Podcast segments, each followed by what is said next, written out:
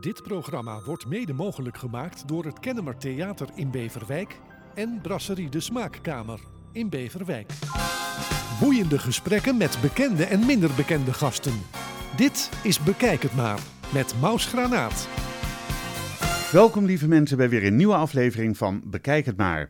Vandaag ontvangen wij een acteur, zanger, regisseur. Hij is sinds 1998 verbonden als hoofdvakdocent aan de Frank Sanders Academie voor Musical Theater.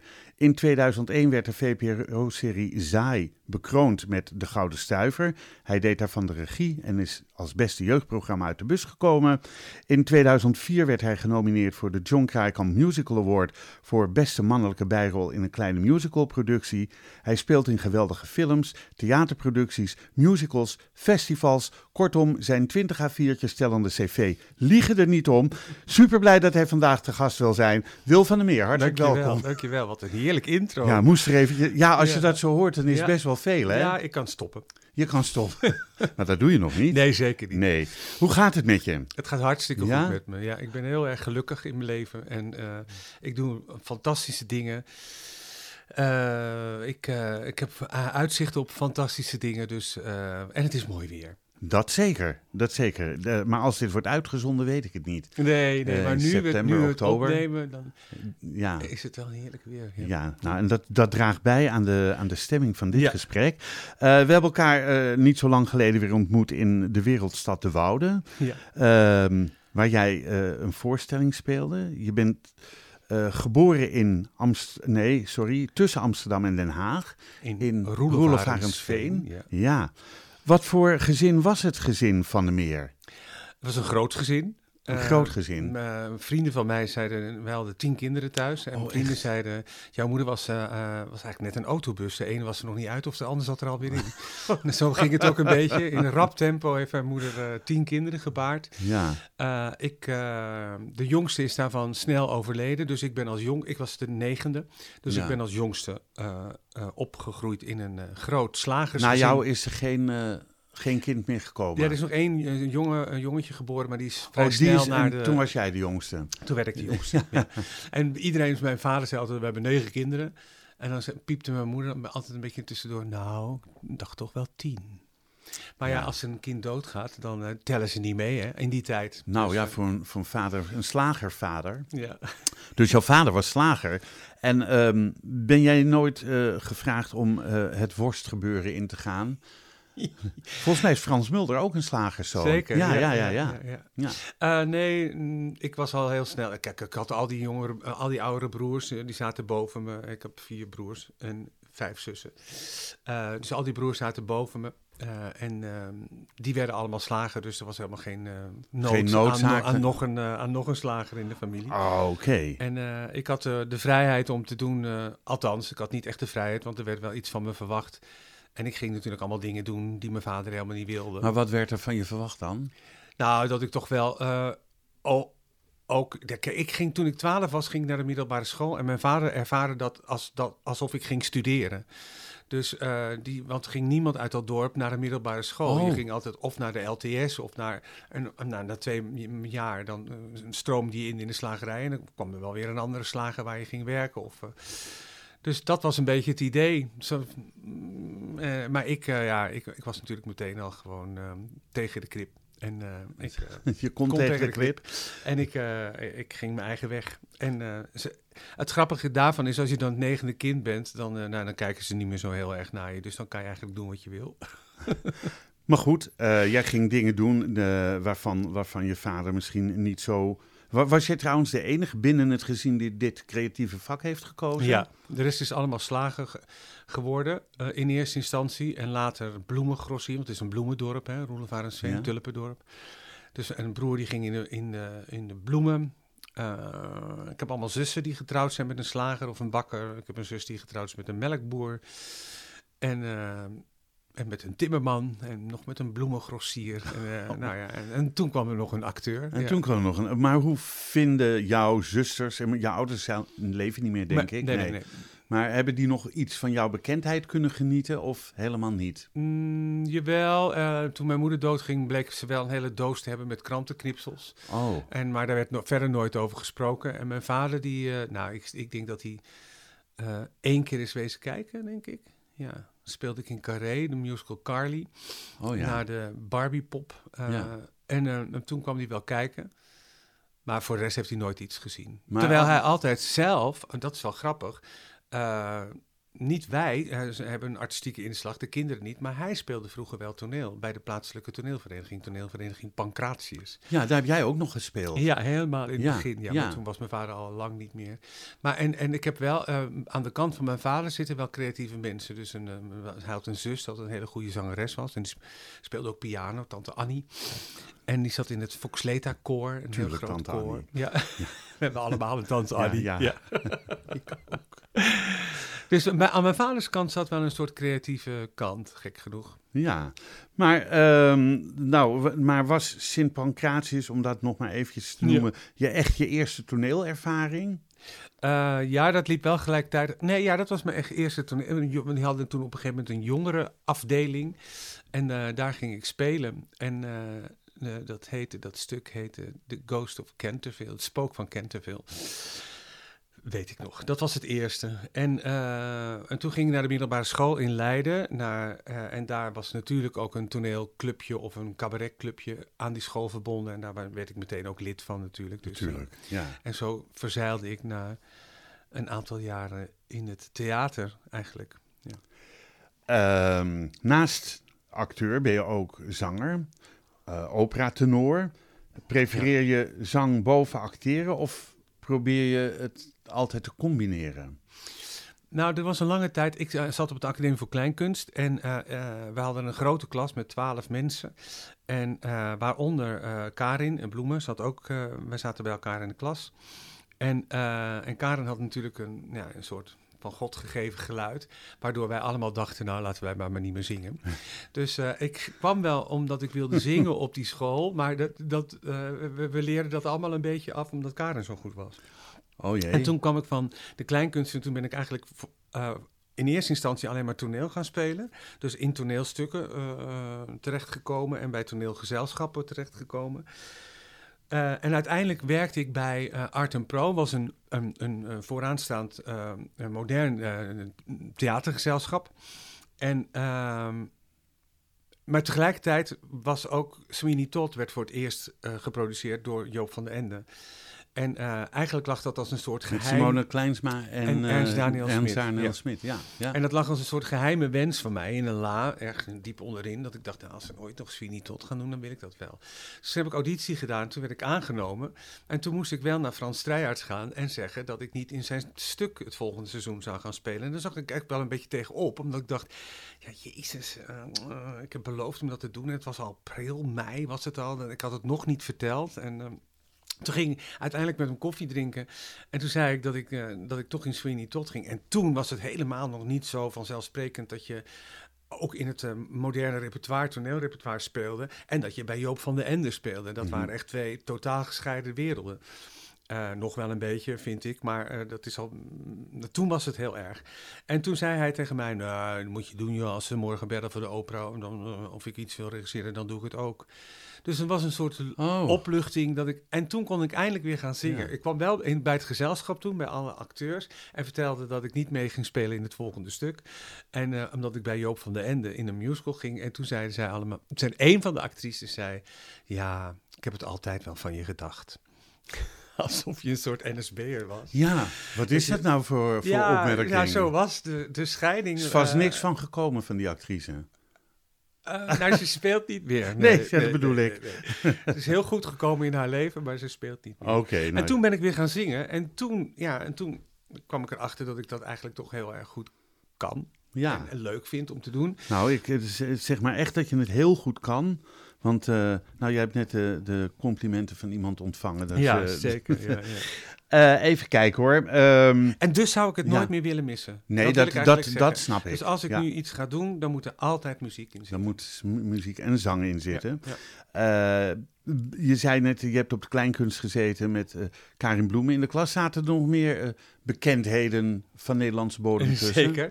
Eh, Uh, Albert Verlinde. Albert Verlinde. In de klas, ja. die heeft ook de kleinkunst gedaan. Ja, ik, ik, heb lang nog naar Albert Verlinde moeten kijken in een academiek, in een balletpak. Hij naar mij. Dat dus een schept een band voor het leven. kwam hem laatst tegen en dan refereren we daar toch meteen iedere keer weer aan. Dick Cohen zat bij mij in de klas. Wie? Niet? Dick Cohen. Dick Cohen, ja.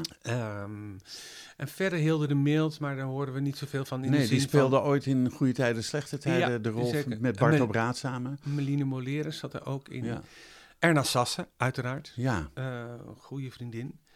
Uh, en die, uh, even denken hoor, ja, dat, zij, zij, zij zat boeken. in, zij, zij, schrijft nu boeken, ja. maar ze, ze was actrice en speelde in Medisch Centrum Medisch Centrum West. Ja, ja. ik wou zeggen, zeggen ze, ah, maar nou, Medisch dat is allemaal vlak na de Tweede Wereldoorlog. Ja, dat, dat, dat weet niemand, niemand Nee, dat weet niemand meer. maar goed, nee, ik heb Erna Sassen ooit geïnterviewd ook hoor. Uh, vond het zo leuk. Zij was een beetje een, een, een dwarse verpleegkundige in die serie. Ja. Van dat rechtopstaande haar, jaren tachtig natuurlijk. Ja, ja. oké. Okay. Uh, nou, dat, dat zijn wel leuke dingen. Zijn er vakken op die kleinkunst geweest waarvan je zegt... ja, dat waren wel de vakken die mij aanspraken? Nou, dat was het uh, gezongen repertoire. Dus dat je een, een, lied zingt en... Uh, gaat onderzoeken van hoe je dat lied zo eigen kan maken dat je daarmee kan spelen met wie jij bent. Ja. Uh, uh, en dat is uiteindelijk ook wat ik zelf bij Frank Sanders ontwikkeld heb. Ik werd gevraagd door Frank Sanders in de jaren 90, 96, 97, zoiets, weet ik veel. 98, nee, wat zei je net? 98? 98, ja. of ik les daar wilde komen geven en toen vroeg ik waarin. En toen zei Frank Sanders, in jou.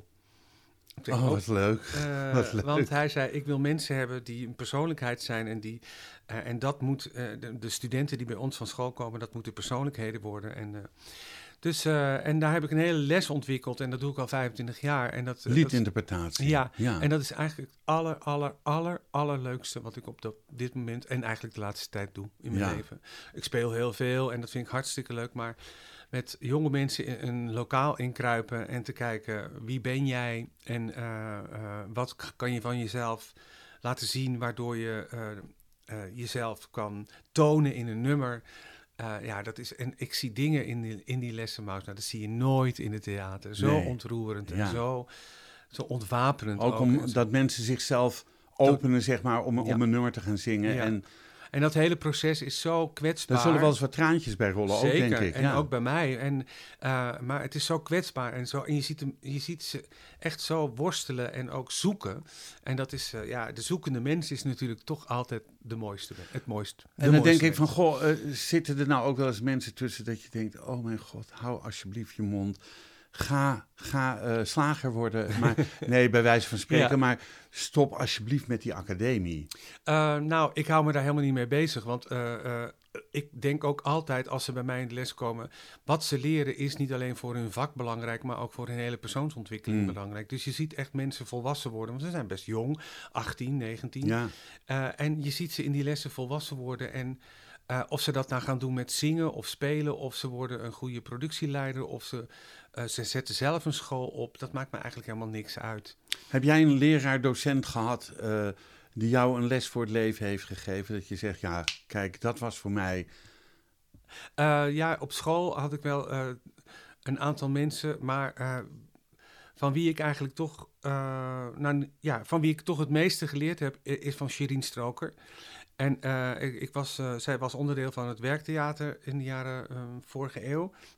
80. en oh. nou, iets later ook. Oh, ja. En, en daarvoor uit vloeide, daaruit vloeide voort het gezelschap, de Stichting Stroker. En ik heb vier of vijf jaar lang met haar intensief samengewerkt. En zij heeft me echt geleerd om uit te gaan van wie ik ben in het spelen.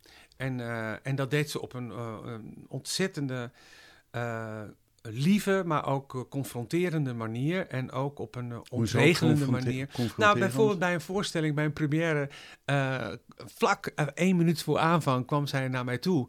En ze zei tegen mij, hé hey Wil, Wil, Wil, laat jij het eens afweten vanavond. En toen dacht ik, laat jij het eens afweten?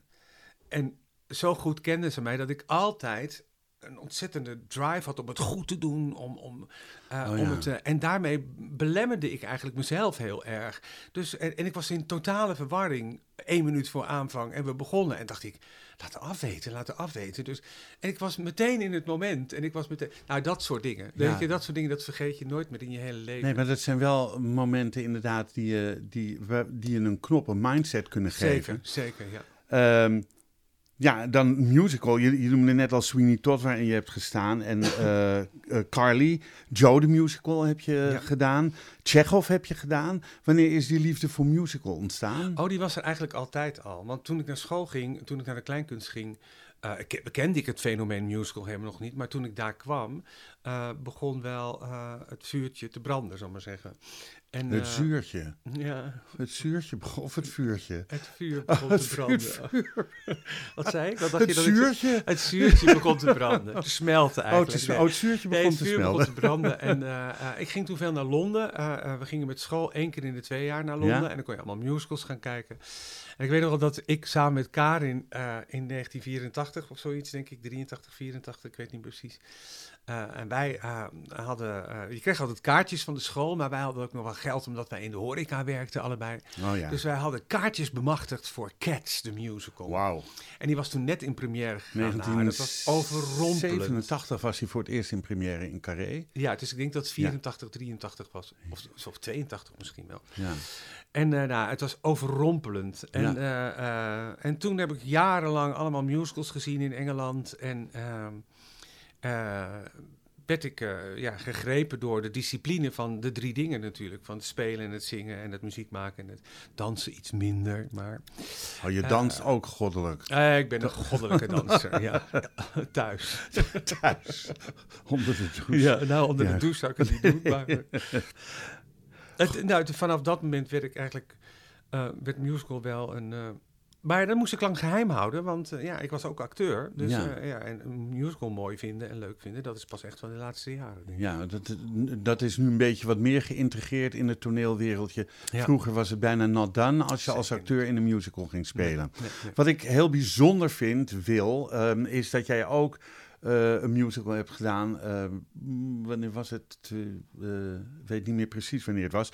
Ehm, Jan Jans en de kinderen. Ja, En dan, toen dacht ik, jij speelde Jan, eh, Ja. de vrouw van Jans. de de man van Jans. Eh, eh, eh, sorry, de man van Jans.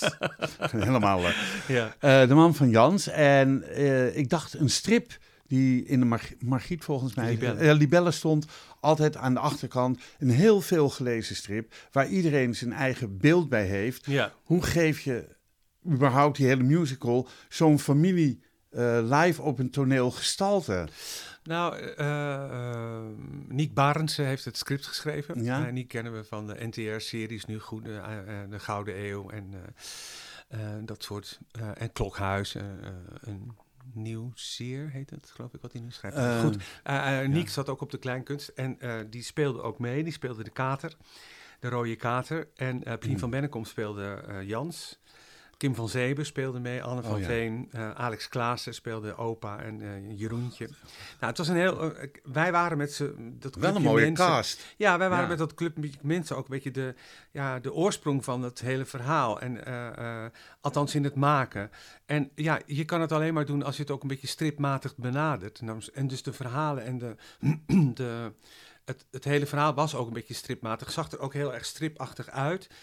Ehm, en eh, de muziek van Henny Vrienden was natuurlijk heel erg eh, bepalend ook voor, eh, voor de voorstelling. Ja, het was, een, het was eigenlijk de eerste musical die Henny Vrienden maakte als componist.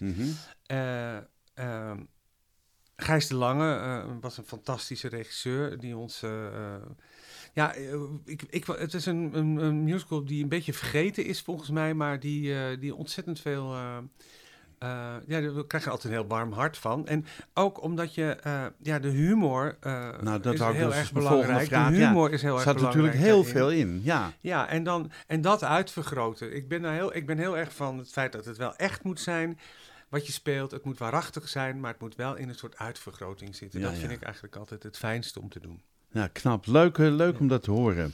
Eh, in 2006 eh, presenteer je ook je eigen liedjesprogramma, A Talent to Amuse. Ja. Waarmee je zelfs in Zuid-Afrika hebt opgetreden. Ja. Ehm, over Noel Coward. Ja. Uh, hoezo Noel Coward? Waarom? Nou, onder andere, wat ik net al aan refereerde, met Sherine hadden we een, een clubje mensen. Maarten Bansing, Mar Mark Rietman, Lineke Leroux, Dorijn Curvers, Herman Bolten, Marnie Blok. Nou, allemaal acteurs. En wij kregen allemaal van Sherine in die vier, vijf jaar de mogelijkheid om één ding te initiëren. En ik had toen in Londen de Vortex gezien van Noel Coward.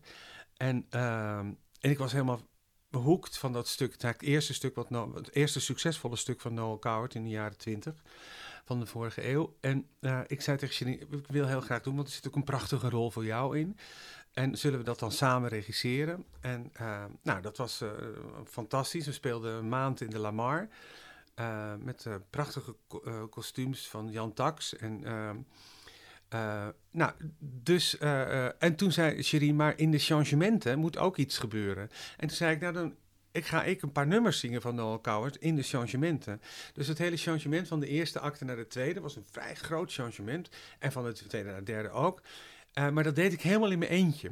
Wow. Uh, maar terwijl ik zong. Dus dat is nou weer zo'n prachtig idee van Sherine, die dan het hele changement laat zien, maar wel door de butler van het huis, die het huis verandert. Ja. En ondertussen zingt hij uh, Don't Put Your Daughter on the Stage. Of Ja, ja. nou, al die nummers van Noel Coward.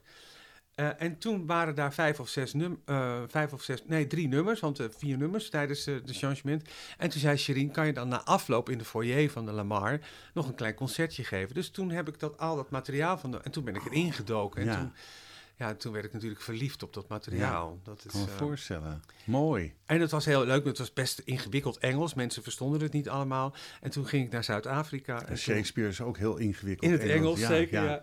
En toen ging ik naar Zuid-Afrika en dat was echt fantastisch, omdat ik daar toen... eh, iedereen kent die liedjes. Eh, men is Engels georiënteerd natuurlijk, dus het is een onderdeel van hun cultuur. Dus iedereen kent de nummers. Als je zingt, zegt ik, ik zing Nina, het volgende nummer is Nina, dan weet iedereen waar het over gaat. Iedereen weet... en toen kreeg ik gewoon een publiek wat me verstond. En, eh, Dat nou is ja, ook wel weer bizar dan, oh, hè? Dat Ja, was leuk. Fantastisch. Leuk. Fantastisch, ja. Je krijgt helemaal glinsterende ogen ja, oh, van. misschien moet ik het wel weer eens gaan doen. Ja. Dat is toch mooi? De- ik bedoel, dat repertoire heb je. Dat repertoire gaat niet stuk. Nee, Nee. zeker niet. Ehm, je hebt eh, veel producties gedaan ook met, eh met Bruun Kuit, regisseur. Ook een aantal Annie M.G. producties, Annie M.G. Smit producties. Ja. Kun je er wat van vertellen? Nou, Bruin ken ik ook van de kleinkunst. Het is heel mooi om te zien hoe lang je in je carrière komt. Dat je denkt, ja, wij kennen elkaar nog steeds. Ja. Ik ga volgend seizoen een nieuw stuk doen met Bruin. Ja. Rust en Vreugd, naar de boeken eh, door Hendrik Groen eh, geschreven. Dus de, Oh ja. het is, een, het is een stuk, gaat niet meer over de bejaarden, maar het gaat over een volkshuistuintjescomplex. Volkstuin? Volkstuinhuisjescomplex. Ja, ik zeg het goed. en eh, het is een hartstikke mooi boek en dat wordt bewerkt voor theater. Eh, en daar zit Doris Baten in. En Doris ken ik ook alweer van de kleinkunst. En eh, Joep Onder de Linden zit daarin. Ja. En die ken ik ook al honderd jaar. Van, Van Zaai Zaai bijvoorbeeld. Ja, ja. Dus het is heel leuk als je zo 40, 45 jaar in dit vak rondhobbelt. En dat je dan nog steeds elkaar tegenkomt. Dus Bruun ken ik al heel lang. Met Bruun had ik... Ik ben echt aan het ratelen, hè. Nou, de ratel lekker door. En met Bruun had ik een, eh, een, een André Hazes programma op de Ja. Kleinkunst. Wij- zongen Oh. liedjes van André Hazes. Was natuurlijk ook zeer tegen de stroom in. We gaan nou André Hazes liedjes zingen. Jaren later komt er een musical over André Ja, Hazes. Maar precies. Bruun en ik hadden dat al eh, in de jaren tachtig ontdekt. Dat dat heel mooi materiaal is om te zingen. en met Bruun heb ik veel eh, gewerkt. Ehm, en, dus, en, de, en ook met de eh, programma's met, eh, rond de bo- kinderboeken van Annie. Dus Pluk Ja. van de Pettenflat. Ja. Eh Pluk Red de Dieren. heb ik samen met Bruun gedaan. Sa sa Bruun regisseerde en we, we- bewerkten de boeken samen. Maakte er een musical van. En uiteindelijk heb ik Floddertje zelf geregisseerd en bewerkt. Dus ja, dat was... eh, Bruun is nu nooit ver weg in mijn leven. Ik heb Nee. vorig jaar nog een productie met hem gedaan. Leuk. Ja.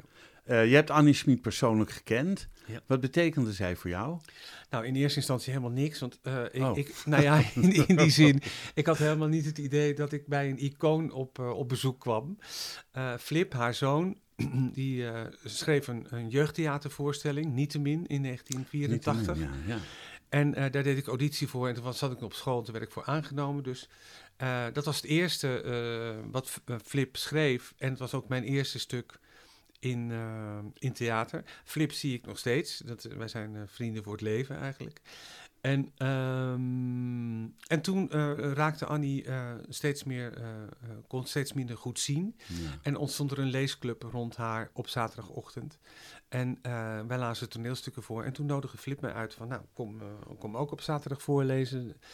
En eh, nou, dat heb ik twaalf jaar gedaan. En daar ontstond een soort vriendschap uit. Maar in eerste instantie... Wie zaten er allemaal bij? Want dat waren allemaal acteurs, actrices. Nee, niet allemaal. Het, het was juist het fijne eraan. Het had ook Oh. een journaliste, Ja, dat Frits. Visser bij, maar ook Ja. haar advocaat, eh, eh, een buurvrouw of, of haar secretaresse, eh, eh, oude vriendin, eh Sjane Roos van, An, van Ja, vriendin, Roos, ja. oud eh, journalist van Parool. Ja. Eh, maar Ank Groot ehm, van, Shores. Van Shores, van Ja. Cabaret Donkey Shocking. Ja. En een paar acteurs. Bob van Tol zat erbij. ehm, Sylvia Holstein. Ja. eh, eh, nou ja, Ellen Reurman. En, ehm, nou, dat soort... Zo'n club van twaalf wisselend. wa- want we konden natuurlijk niet iedere week. Maar ja, het, is een, het was een gemêleerd gezelschap. Het was niet Maar alleen hoe maar was, het om, hoe was het om dat te doen? Eh, nou, in eerste instantie, ik was hartstikke jong natuurlijk toen, eh, vond ik het best spannend, omdat je na afloop van het lezen van het stuk ook moest zeggen wat je ervan vond. En eh, nou, tegenover Annie was dat, vond ik dat altijd best ingewikkeld, want... eh, Maar dat waren niet alleen stukken van haar, toch? Die nee, jullie nee, nee, nee, we lazen Nee. alles. We lazen, Ja. we lazen wel veel Tsjechov. Eh, Annie bepaalde wat we lazen. Oké. Eh, zij, wilde, zij kon dan aangeven, ik wil graag dat lezen. En dan ging iemand in die week de stukken kopiëren. En dan nam je dat mee. En dan werden de rollen verdeeld. En dan werd er gelezen. Sorry. En ehm, ja, we lazen alles. Tsjechov eh, was een voorkeur. Pinter, Heijermans uiteraard. Ja. Eh, maar ook alle klassiekers. Alle... eh, ehm, de Noren, de Scandinaviërs, de Amerikaans repertoire. Was ook leerzaam, denk ik, voor Man, je. wij- ja. bij haar dood eh, had Anke Groot een lijstje gemaakt van stukken die we gelezen zouden hebben. En dat waren er wel meer dan 300. Nou was ik er niet altijd bij. Nee, Maar ik heb denk ik toch wel 150, 200 stukken gelezen... die ik anders natuurlijk nooit Nee. gelezen zou hebben. nee. Ank Groot ook niet meer onder ons, Nee. maar... eh, nou, nou, nou, nou hebben we het over zingen, zingen, zingen. Ik wil wat horen. Heb je wat paraat ook toevallig wellicht? Het is in het Frans, hè. Eh, ik, eh, we hebben een vertaling gemaakt van eh 13 nummers van Annie in het Frans. Kom ik straks wel uitgebreid op terug, hoor. en Dat, dit eh, is het meest bekende nummer van Annie, denk ja? ik. Hoe heet Vlu- het? Het heet Vluchten kan niet meer, maar in het Frans heet het Fuir n'a aucun sens.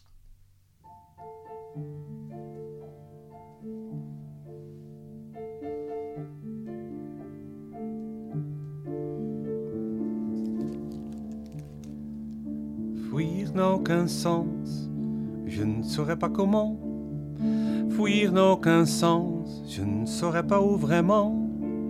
Très près ou très loin. Demain et hier, les pays en guerre, pays en prière, sont des pays en colère, et partout des touristes qui font des villes en fer. Jusqu'où doit-on aller? Fuir n'a aucun sens. Même sur Mars, on a laissé des traces, et la Lune n'a pas d'espace vacante.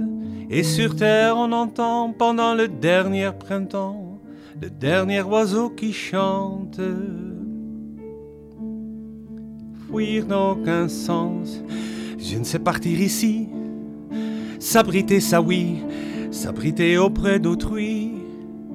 Fuir n'a aucun sens. Fuir n'a aucun sens.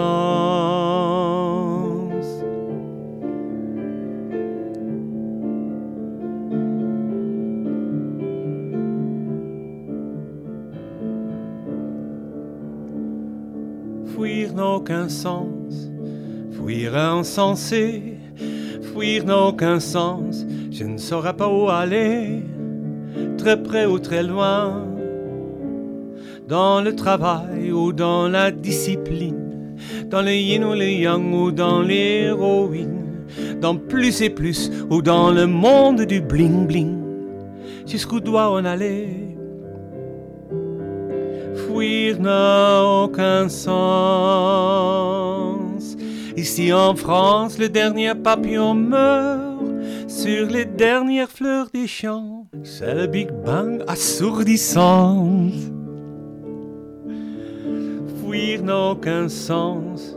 Je ne sais partir ici, s'abriter, ça oui, s'abriter auprès d'autrui. On se tient debout dans un jeu de guy. Après. Sorry, daar ben ik er uit. Nou, een kleine indruk hebben we gekregen van dit nummer. Dan zullen we gewoon straks nog eentje doen. Ja. Ja, de- alleen de muziek al mooi. Harry Banning natuurlijk. Zo. Gaan we gewoon weer even verder met het gesprek. Ja. Maar doen we straks gewoon nog een nummer. Ik weet, ik weet nog wel. Kun je, kun je die ook van wat voor weer zou het zijn in Den Haag? Dat kan. Ja, oké. nou, doen we die straks. Ja. Oké. Ehm, goed. Jullie gingen ook, eh, over Annie Schmid gesproken, één keer per jaar met haar mee naar haar verblijf in Frankrijk. Eh, dat gebeurde niet zo heel vaak. Het is Oh. een paar keer gebeurd, een paar jaar achter elkaar. En helemaal Ja. aan het einde van, eh, nou, bijna het einde van haar leven. Is dat waar wat ik zeg? Eh, nou, in ieder geval, ik was wel bij de laatste keren dat ze daar was in Frankrijk. En dat ze, ze heeft er natuurlijk een lange tijd gewoond. En toen haar man stierf, Dick, toen is ze weer teruggekomen naar Nederland. En ging ze zomers daar altijd naartoe. En waren wij daar met een eh, eh, jonge, jong gezelschap rondom haar. Die dan zorgde dat ze daar kon zijn. Want ze was natuurlijk ook best al slechtziend en Ja. kon daar niet meer alleen zijn. Mhm. En dan waren we daar met, met een hele club mensen om ja, vakantie te vieren. Nou, wat je zegt, ze had dus best wel wat mensen om zich heen verzameld.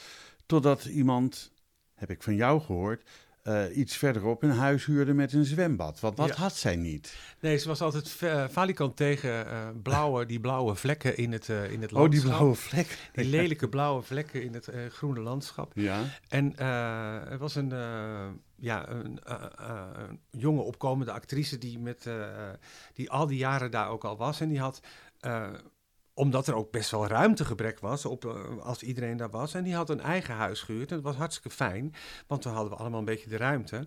Maar die had ook een zwembad. Dus wij gingen heel vaak dan naar dat zwembad. En dan zat Annie de hele middag alleen. En eh, ja, dat was natuurlijk eh, niet, niet fijn voor haar. En ze ging dan wel eens mee. Maar ja, ze, ze kon natuurlijk niks. En dan zat ze maar een beetje aan dat zwembad en vond ze lelijk. Dus, eh, nou ja, en in mijn voorstellen vertel ik hoe dat eh, in het, tot een dramatisch hoogtepunt komt. ja. Ik zal het hier niet vertellen, maar eh, het was wel de laatste keer dat ze daar in Frankrijk, was, is geweest. Ja. Overigens was het wel heel vaak zomers dat er wel eens een ruzie ontstond. En dan eh, riep Annie altijd, eh Sjors, want Sjors en Anke Groot waren er altijd. Sjors, bel de KLM, ik wil naar huis. Dus dan eh, moest er weer een, een, een ticket geboekt worden omdat Annie het zat was, omdat er weer ruzie was. En dan bleven jullie in haar huis als zij wegging? Of, Ja, ze ging nooit weg. Oh, ze ging- Als dreigement zei ze altijd, Sjors, bel de KLM maar, ik wil naar huis. Maar ze ging niet. Maar ze ging niet. eh. Ehm, eh, vroeger was er geen kind, zeg maar, die de boeken van Annie Schmid niet kende. Nee. Eh, denk je dat dat nog steeds zo is? Denk dat Wordt Annie Schmid nog steeds goed gelezen? Ja, zeker. Ik denk dat er ieder jaar nog wel weer, eh, zeker van Jip en Janneke en boek- boeken als Vloddertje en zo, dat wordt ieder jaar wel in herdruk genomen. Dat is, dat is niet aan te slepen, volgens mij. En ook haar boeken worden nog steeds vertaald. Op dit moment eh, is eh, net deze week, volgens mij, eh, is Jip en Janneke uitgekomen in het Engels. Dus het hele oeuvre van Jip en hele, alle boeken van Jip Maar en Janneke. zijn wat ik me ook afvroeg, ik denk, goh, Jip en Janneke waren twee zwarte kindjes. Tenminste, zwart getekend door Fiep Westendorp. Kan dat nog deze tijd? Alle boeken van Roald Dahl zijn inmiddels, eh, moest, moest dat aangepast worden, Ja. omdat er het woord Dikkerd in voorkwam. En, en Ja. nog een paar dingen dat ik denk, ja jongens, dat zijn boeken van 50 jaar oud. Dat, dat, zijn ook zo, is ook zo met de Ja. boeken van Annie M.G. natuurlijk. Nou, die afweging moet je altijd maken, denk ik. Eh, wat is echt niet meer eh, van deze tijd in de zin van wat heeft een andere betekenis gekregen? Mhm.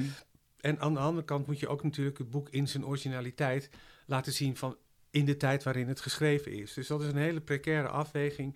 En ik geloof in de vertaling naar het Engels dat daar wel een aantal discussies over geweest zijn, wat nou echt of wel niet meer kan met Oh, ja. Jip en Janneke. Ja. Uh, maar uh, ik ben zelf ben heel erg voorstander van om die boeken in hun tijd te laten. Maar als daar echt daadwerkelijk dingen in zitten die nu um, sociaal gezien en maatschappelijk gezien moeilijke, moeilijkheden opleveren of vragen opleveren waar andere mensen zich aan kunnen storen, dan zou je dat wel moeten veranderen. Overigens zijn Jip en Janneke natuurlijk geen zwarte personages. Uh, het, ze zijn door Fiep als, eh, als schaduwfiguren Ja, gemaakt. Ja. En eh, eh, dat is altijd een hele rare verwarring. Ja, kan altijd als zodanig gezien worden. ja, ja, maar ik Voor mij wel... is Zwarte Piet ook nooit een, een, eh, een, een, een, een, een stuk racisme geweest. Nou ja, dat is een hele Ja, ingewikkelde dit- dit- dat- discussie. ja, daar- gaan we het ook niet over eh, hebben, hoor, Want maar- Zwarte Piet is natuurlijk heeft weer een andere eh, eh, Ja. oorsprong dan een tekeningetje van. maar twee, in het, in eh, het Sinterklaasverhaal, mijns inziens nooit als zodanig bedoeld. Nee, maar dat is dus die afweging waar ik het over Ja, heb. Als ja. het wel zo is dat mensen zich daaraan kunnen storen, of mensen, dan vind Ja, ik dat echt ja. heel erg belangrijk dat je dat verandert. Ja. En, eh, en ik ben ook heel blij met dat soort bewegingen. En, eh, maar ik denk dat eh, Jip en Janneke gewoon twee, eh, zijn, Twee buurkindjes. twee buurkindjes Ja. waren. En, Oké. en, en Fiep heeft ze zwart gemaakt. Ja, ze zwart gemaakt. Ze wilde Annie zwart maken, Ja, dus die nee, kindjes, nee, maar nee. nee, nee. Goed, ehm, wanneer ontstond bij jou het idee om liedjes van Annie Schmid te vertalen in het Frans? Ja, En ik, wie ik- had daar behoefte aan? Ja, Zou vraag ik me soms ook nog wel eens af als ik ze doe in, het Nederland, in Nederland.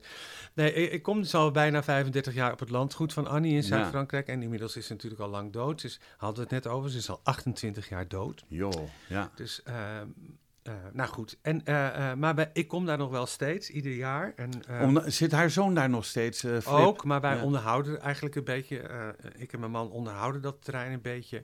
En we gaan er ieder jaar maaien met een club vrienden. Binnen volgende week ga ik er weer naartoe. Gaan we tien dagen het hele landgoed kaal maaien. Dat is bijna één hectare groot. Wow, ja. Maar op een, er was een dag eh, in september ergens en toen heb ik een soirée georganiseerd op het terras van het huis van Annie in Zuid-Frankrijk. En daar waren op dat moment, ver na haar dood, eh, alleen maar Fransen. Of althans, de meeste, de voertaal was Frans. En, eh, en toen vertelde ik, nou, ik zei, vroeg zo of iedereen wel wist wie Annie eigenlijk was. Nou, iedereen wist wel dat ze een bekende wereldberoemd was in Nederland. En, eh, maar niemand had ooit iets van haar gelezen. En toen zei ik, nou, zou het niet leuk zijn dat ik dan volgend jaar weer een soirée organiseer? En dan geef ik een concert met de liedjes van haar in haar, in haar huis. Nou, dat vond iedereen een hartstikke goed In idee. het Frans. Maar ja, toen was er even stil. En Ja. toen zei er één iemand die zei of het dan misschien mogelijk was of dat in het Frans kon. En toen zei ik nogal ehm, met, ehm, met een bepaalde bluff, ah, pas de probleem. Nou, dat werd natuurlijk een enorm probleem, want Ja. eh, ik, eh, ik kan dat helemaal niet. Maar op, die, op dat moment is, eh, is dat idee ontstaan. En heb ik iets over Annie verteld en over filmpjes laten zien van Annie. Interviews van Annie in het Nederlands heb ik allemaal ondertiteld in het Frans. Het was een heel mooi programma. Ja. En met al die liedjes. En ja, het was heel bijzonder. Was er zelfs nog wel de oude gardienne van Annie, Patricia en Jackie, die waren erbij. En die hebben Annie nog daadwerkelijk gekend. Dus voor hen was het echt een, eh, ja, een emotioneel eh weer horen. Weer zien, horen ja. en weer zien qua beelden. Ja. Oh, mooi. Ehm, ja, zelf vertalen zij al, dat zou een probleem worden ehm, om jouw programma Een Soirée met Annie M.G. uiteindelijk dat soirée te laten worden. ja. Eh, wie heeft het nou uiteindelijk vertaald voor je? Nou, ik, op die soirée was Muriel Miolet ook aanwezig. Die woont in hetzelfde dorp, of die woonde in hetzelfde dorp. En, eh, en wij stonden daarna in de keuken samen. Zij is Vlaams. En eh, wij stonden daarna in de keuken. En toen zei ze, wat een goed idee. Zei ze, zullen we het samen doen? Toen zei ik, ja, Ja. heel graag. ja. Want zij is half Frans en is Franstalig en, en, en Nederlandstalig. En zij kent het werk van Annie. Dus toen zijn we eraan begonnen. Eh, ik ben zelf dingen gaan vertalen. Stuurde ik die op naar haar. Zij maakte daar echt Frans van. En dan maakte ik er weer muziek van. Want het moest natuurlijk wel in de muziek passen. Ja, ja, ja. En ik ben zelf ook eh, dingen gaan vertalen. En, eh, dus er zijn sommige nummers die zij heeft vertaald en die ik heb vertaald. Maar dat schoot toch naar mijn zin niet genoeg op. Nee.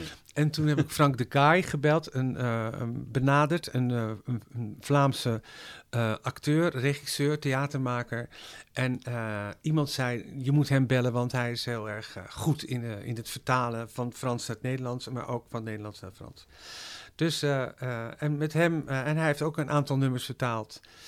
Heel erg mooi. En ik ben heel erg dol op het feit dat hij dat gedaan heeft. Het grappige is wel dat we elkaar nog nooit in levende lijven gezien nog hebben. Nog steeds niet? Nog steeds niet. okay. Dat gaat echt ooit nog wel een keer gebeuren.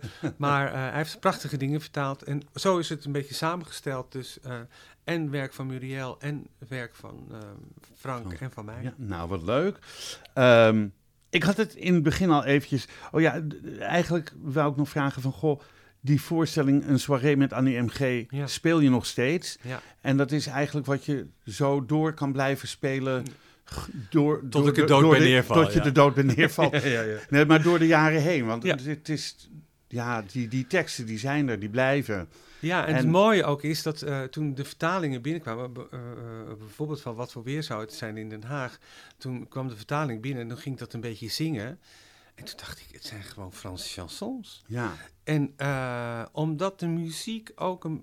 Nou, ook Cor Lemaire heeft muziek gemaakt op de teksten van Annie in de jaren 50, 60. En Harry natuurlijk onmetelijk veel Ja. muziek gemaakt. En die. Ja, je voelt toch een beetje dat dat cabaretlied stond een beetje nog onder invloed van Frans chanson. Ja, ja. En, eh, eh, en als je ze dan vertaalt in het Frans, dan lijkt het wel een beetje alsof die nummers thuiskomen op de een of andere manier. Omdat die muziek zo Nou, dat zeg je mooi. eh, Frans, Frans Ja. klinkt. En vooral wat voor weer zou het zijn in Den Haag. ja. Dat heeft Harry natuurlijk echt wel op die manier geschreven. Nou, die, die gaan we zo eventjes, ja, gaan we zo eventjes zingen. Of we niet, jij gaat het zingen. Ehm, maar het zou ook een voorstelling kunnen zijn die je gewoon eh en famille zou kunnen spelen met, een, met, je- met je pianist. Ja, In een huiskamer. Mensen die 50 worden en zeggen van, goh, dat zou toch leuk zijn. Ja. Een uurtje Wil van der Meer in mijn huiskamer eh, met piano, hè, voor, eh, voor een leuk, leuk, Ja. leuke, hoe noem je dat? klein publiek. Muzikale onderbreking, een muzikaal intermezzo. Op een feestje, ja toch? Ja, ik heb laatst een, eh, een eh, huisconcert gegeven, een soort eh, benefietconcert. Eh, voor, voor een vriendin van mij. Haar kind gaat eh, op reis en die heeft geld nodig. Dus nou ja, goed. Ja, Eh, ik zei, oh, dan kom ik gewoon, ik kan geld geven, maar ik kan ook een voorstelling Ja. geven. En dan kan je nog meer geld krijgen. Ja. Heeft ze duizend euro mee opgehaald. Wauw. Dus het is wauw. fantastisch. Ja, super. En, maar ik, eigenlijk vind ik het programma ook het allerfijnste om te doen in een kleine omgeving. Ik heb nu drie, vier keer ook in, drie keer in Theater Massini gespeeld in, in Amsterdam. Het is een heel klein theatertje op de en Zeedijk. eh, en eh, eh, eh, Apollo First natuurlijk. Apollo First Daar ook. dat zijn, precies, Ja, zijn ja. kleine theaters waar je boven op elkaar zit. En, eh, da- en dat vind ik toch het fijnste wat er is. het, is heel, de het is een heel leuk en intiem concert. Ja, Ik heb het twee keer nu gezien. De laatste keer was in de Wouden, een paar Ja, weken geleden. ook prachtig. Maar in een mooie omgeving. Het Ja. was mooi weer. In een heel leuk kerkje. In een heel leuk dorpje. Het kerkje zat vol. ja, Nou, de pastoor zei dat nog nooit zo vol gezeten had. Wil van der Meer komt en de kerk zit vol. de kerk zit vol. Ja. Nou, hoor ik dat wel vaker. Ja, oh. Goed. Ehm, ik had in het begin al geme- eh, gememoreerd, eh, maar ook opera eh, staat op jouw repertoire. In 1999 zing je in de, in de opera's Het Net van Helf, he- help me even, Hef, Hephaestos? Het net van... Hephaestus. Hef, Hephaestos? Ehm, Il Tabarno. Tabarro. Tabarro, ja, staat er ook hoor. Ik, ik, ik maak er nog iets mooiers van. Gini Sici. Gianni Schicchi. Eh. Mijn, mijn opera-kennis is heel groot, dat hoor je wel. Ik kan dat uitleggen. Ik, was in, eh, ik heb soort periodes in mijn leven dat ik steeds denk, oh, dat theater, uh, houdt er toch mee op. Ik ga wat anders doen. En toen eh, vroeg, eh, zei een vriendin van mij, ga nou naar Opera Spanga in Friesland. Friesland, ja. En dan ga je in een tentje zitten en dan doe je niks. En dan ga je een beetje helpen met de productie. En, en toen zei de regisseuse daarvan, ja, je kan me komen helpen, maar, de- maar je kan ook zingen. Dus dan ga je maar lekker in het koor zitten en dan speel je mee, in, zing je mee in het koor. En dat was Sanson et Dalila. En nou, dat vond ik hartstikke leuk. En dan dacht ik, oh ja, ik wil toch alweer... In de, mm. en daar ben ik eigenlijk steeds meer opera gaan zingen. Want daarvoor deed ik dat natuurlijk niet. En uiteindelijk eh, heb ik daar wel een stuk of vijf, zes, zeven opera's gezongen. Uh, maar eigenlijk niet echt in de, in de operahuizen natuurlijk. Want daarvoor is mijn stem niet echt geschikt. Nee, maar goed. Maar eh, de, de kleine boefo-partijen, de, de, de grappige tenorpartijen in opera's... Die, eh, die zijn wel aan mij besteed, ja. Leuk. Uh, over zingen gesproken. Zullen we, zullen we er gewoon nog eentje doen? Laten we het Wat, proberen. wat voor weer zou het zijn in Den Haag? Ja. Oké. Quand je quitte le nord de ce paysage, Lorsque j'habite près de Menton ou de Nice, dans un bungalow proche de la plage, où le temps n'est pas si humide et si triste, profitant du soleil sur mon dos, autour de moi fleurit le romarin. Je ne veux plus retourner à Paris, et je pense souvent, un petit peu mesquin, fait-il aussi froid, aussi gris? Dis, quel temps fait-il à Paris? Les arbres sont-ils encore nus sur les champs? Dis, quel temps fait-il aujourd'hui? Fait-il maussade et brumeux tout le temps? Les nuages sont-ils trop bas et la pluie en combat Et le métro toujours aussi à l'étroit? C'est une question, oui, sans a priori. Dis, quel temps fait-il à Paris? Dis quel temps fait-il à Paris?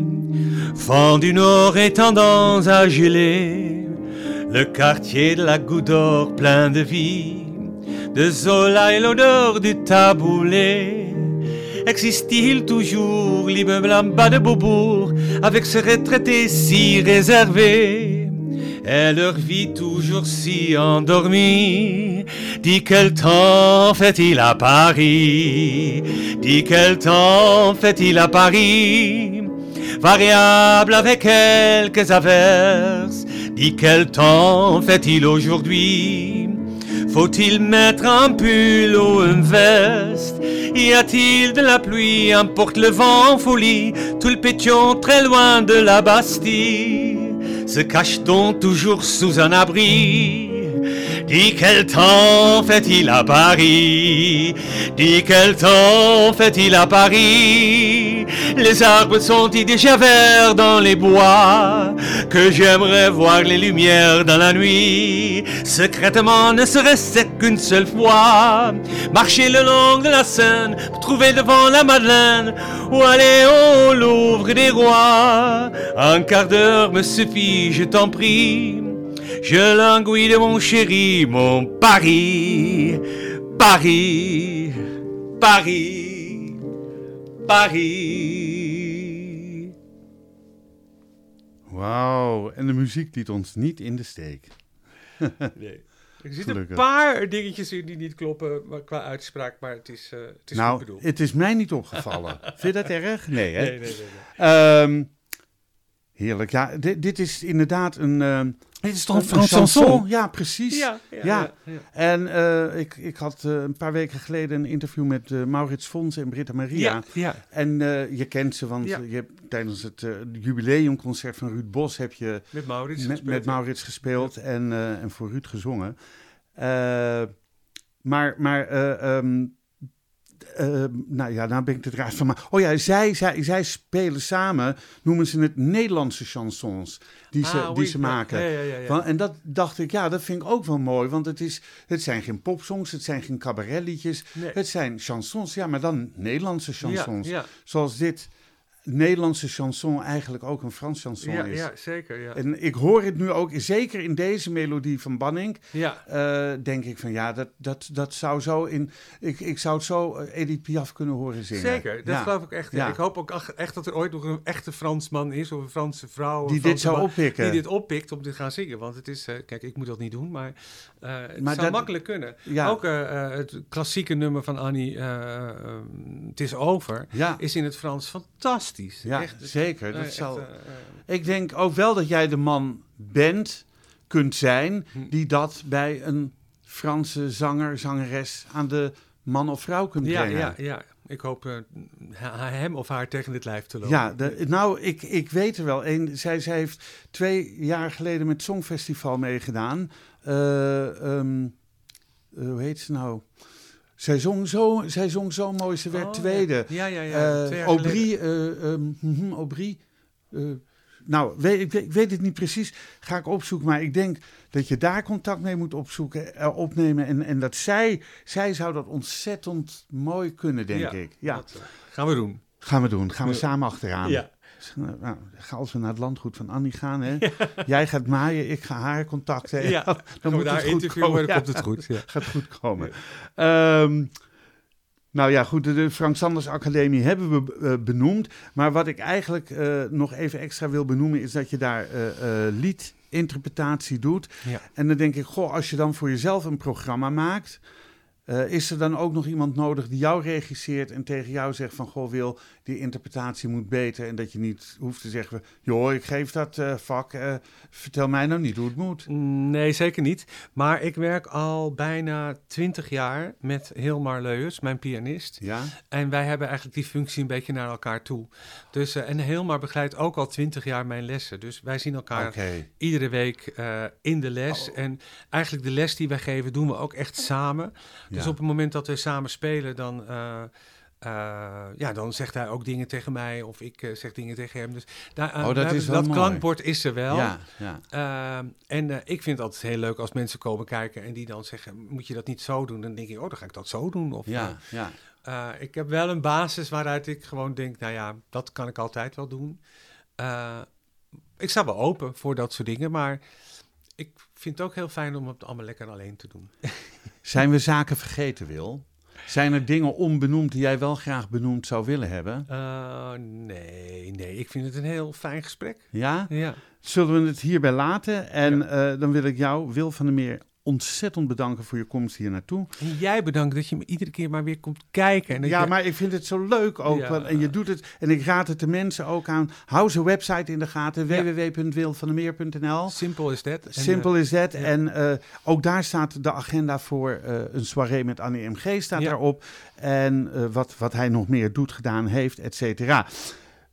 Nou, dankjewel nogmaals. Ik wens je nog heel veel jaren theater en heel graag wat mij betreft tot een volgende keer.